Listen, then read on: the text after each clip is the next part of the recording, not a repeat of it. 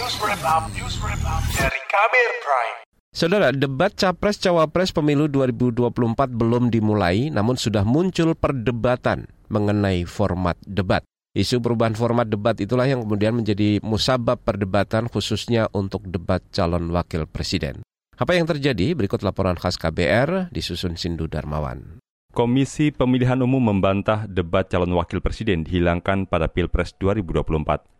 Komisioner KPU Pusat Idam Holik mengatakan, usulan perubahan format debat, yaitu debat capres dilaksanakan tiga kali dan cawapres dua kali. Nantinya pasangan capres dan cawapres akan dihadirkan pada setiap debat. Tujuannya agar publik menilai kerjasama setiap pasangan calon. KPU akan menyusun peraturan teknis untuk memastikan proporsi bicara cawapres lebih banyak saat debat pun sebaliknya saat debat capres. Beliau bisa duduk di belakang, beliau bisa duduk di samping, ya mendampingi. Yang jelas debatnya adalah debat cawapres dan nanti akan dituangkan dalam tata tertib dan nanti tata tertib itu akan disampaikan kepada publik secara resmi. Yang jelas peraturan perundang-undangan menjadi landasan bagi KPU dalam melaksanakan debat calon presiden dan calon wakil presiden.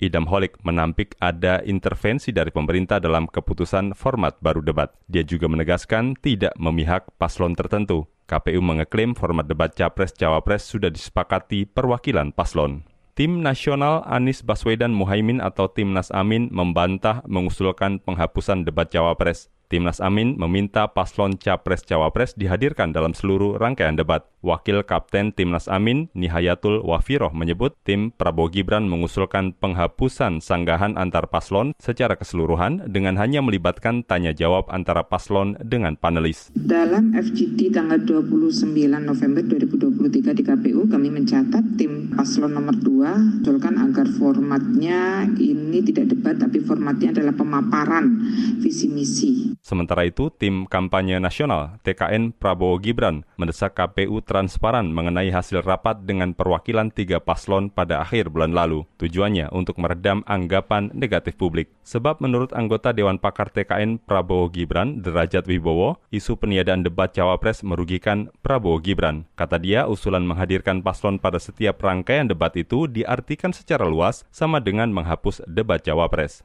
Saya nggak tahu kenapa jadi isu besar gitu loh ketika kemudian uh, narasinya kan menyudutkan kami seolah-olah uh, kasarnya Mas Gibran nggak berani debat. Saya nggak tahu kenapa jadi pelintirannya sebegitu jauh gitu ya menjadi sebuah fitnah begitu jauh. Tapi sekarang kan masyarakat jadi tahu usulannya itu bukan dari kami yang pertama. Usulannya adalah dari timnya Mas Anies sendiri. Di lain pihak, tim pemenangan nasional TPN Ganjar Pranowo Mahfud MD menilai perubahan format debat akan merugikan publik. Padahal menurut jubir TPN Ganjar Mahfud, Ciko Hakim, publik berhak mengetahui secara utuh kemampuan capres-cawapres untuk menentukan pilihannya. Dia menyebut perubahan ini menguntungkan paslon yang minim pengalaman dan tidak menguasai visi misi yang ditawarkan. Namun bagi kami ini lebih untuk supaya rakyat mendapatkan haknya sepenuhnya untuk mengetahui kualitas dari capres maupun cawapres yang akan dipilih gitu kan. Dan itu kualitas itu akan lebih secara komprehensif dilihat tuh mereka tampil sendirian mm-hmm. tidak harus didampingi atau dibantu dalam uh, menjawab pertanyaan-pertanyaan gitu. Nah, tapi intinya yang pa- paling dirugikan kembali lagi yang paling dirugikan adalah rakyat. Pengamat politik menilai anggapan Prabowo Gibran diuntungkan dalam perubahan format ini didasari jarang munculnya paslon itu pada forum debat publik. Selain itu, usulan perubahan format juga disetujui tim Prabowo Gibran. Pendiri Lingkar Madani Ray Rangkuti meminta KPU tetap menyelenggarakan debat cawapres secara terpisah. Sejauh ini, menurutnya, KPU belum serius menyelenggarakan pemilu yang profesional, jujur, dan adil. Jadi kalau capresnya digabung ya, orang kan tidak tahu wapresnya bagaimana gitu. Padahal sebetulnya salah satu daya tarik capres itu kan adalah cawapres gitu. Kan Prabowo misalnya lumayan naik signifikan suaranya kan karena cawapresnya siapa gitu.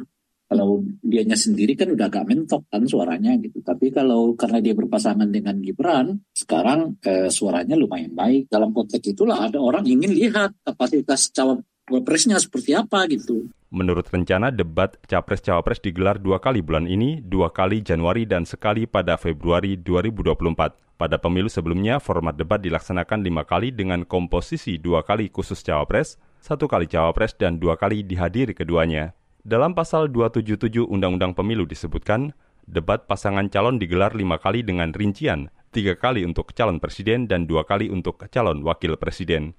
Demikian laporan khas KBR yang disusun dan dibacakan Sindu Darmawan. Kamu baru saja mendengarkan news wrap up dari KBR Prime. Dengarkan terus kbrprime.id, podcast for curious mind.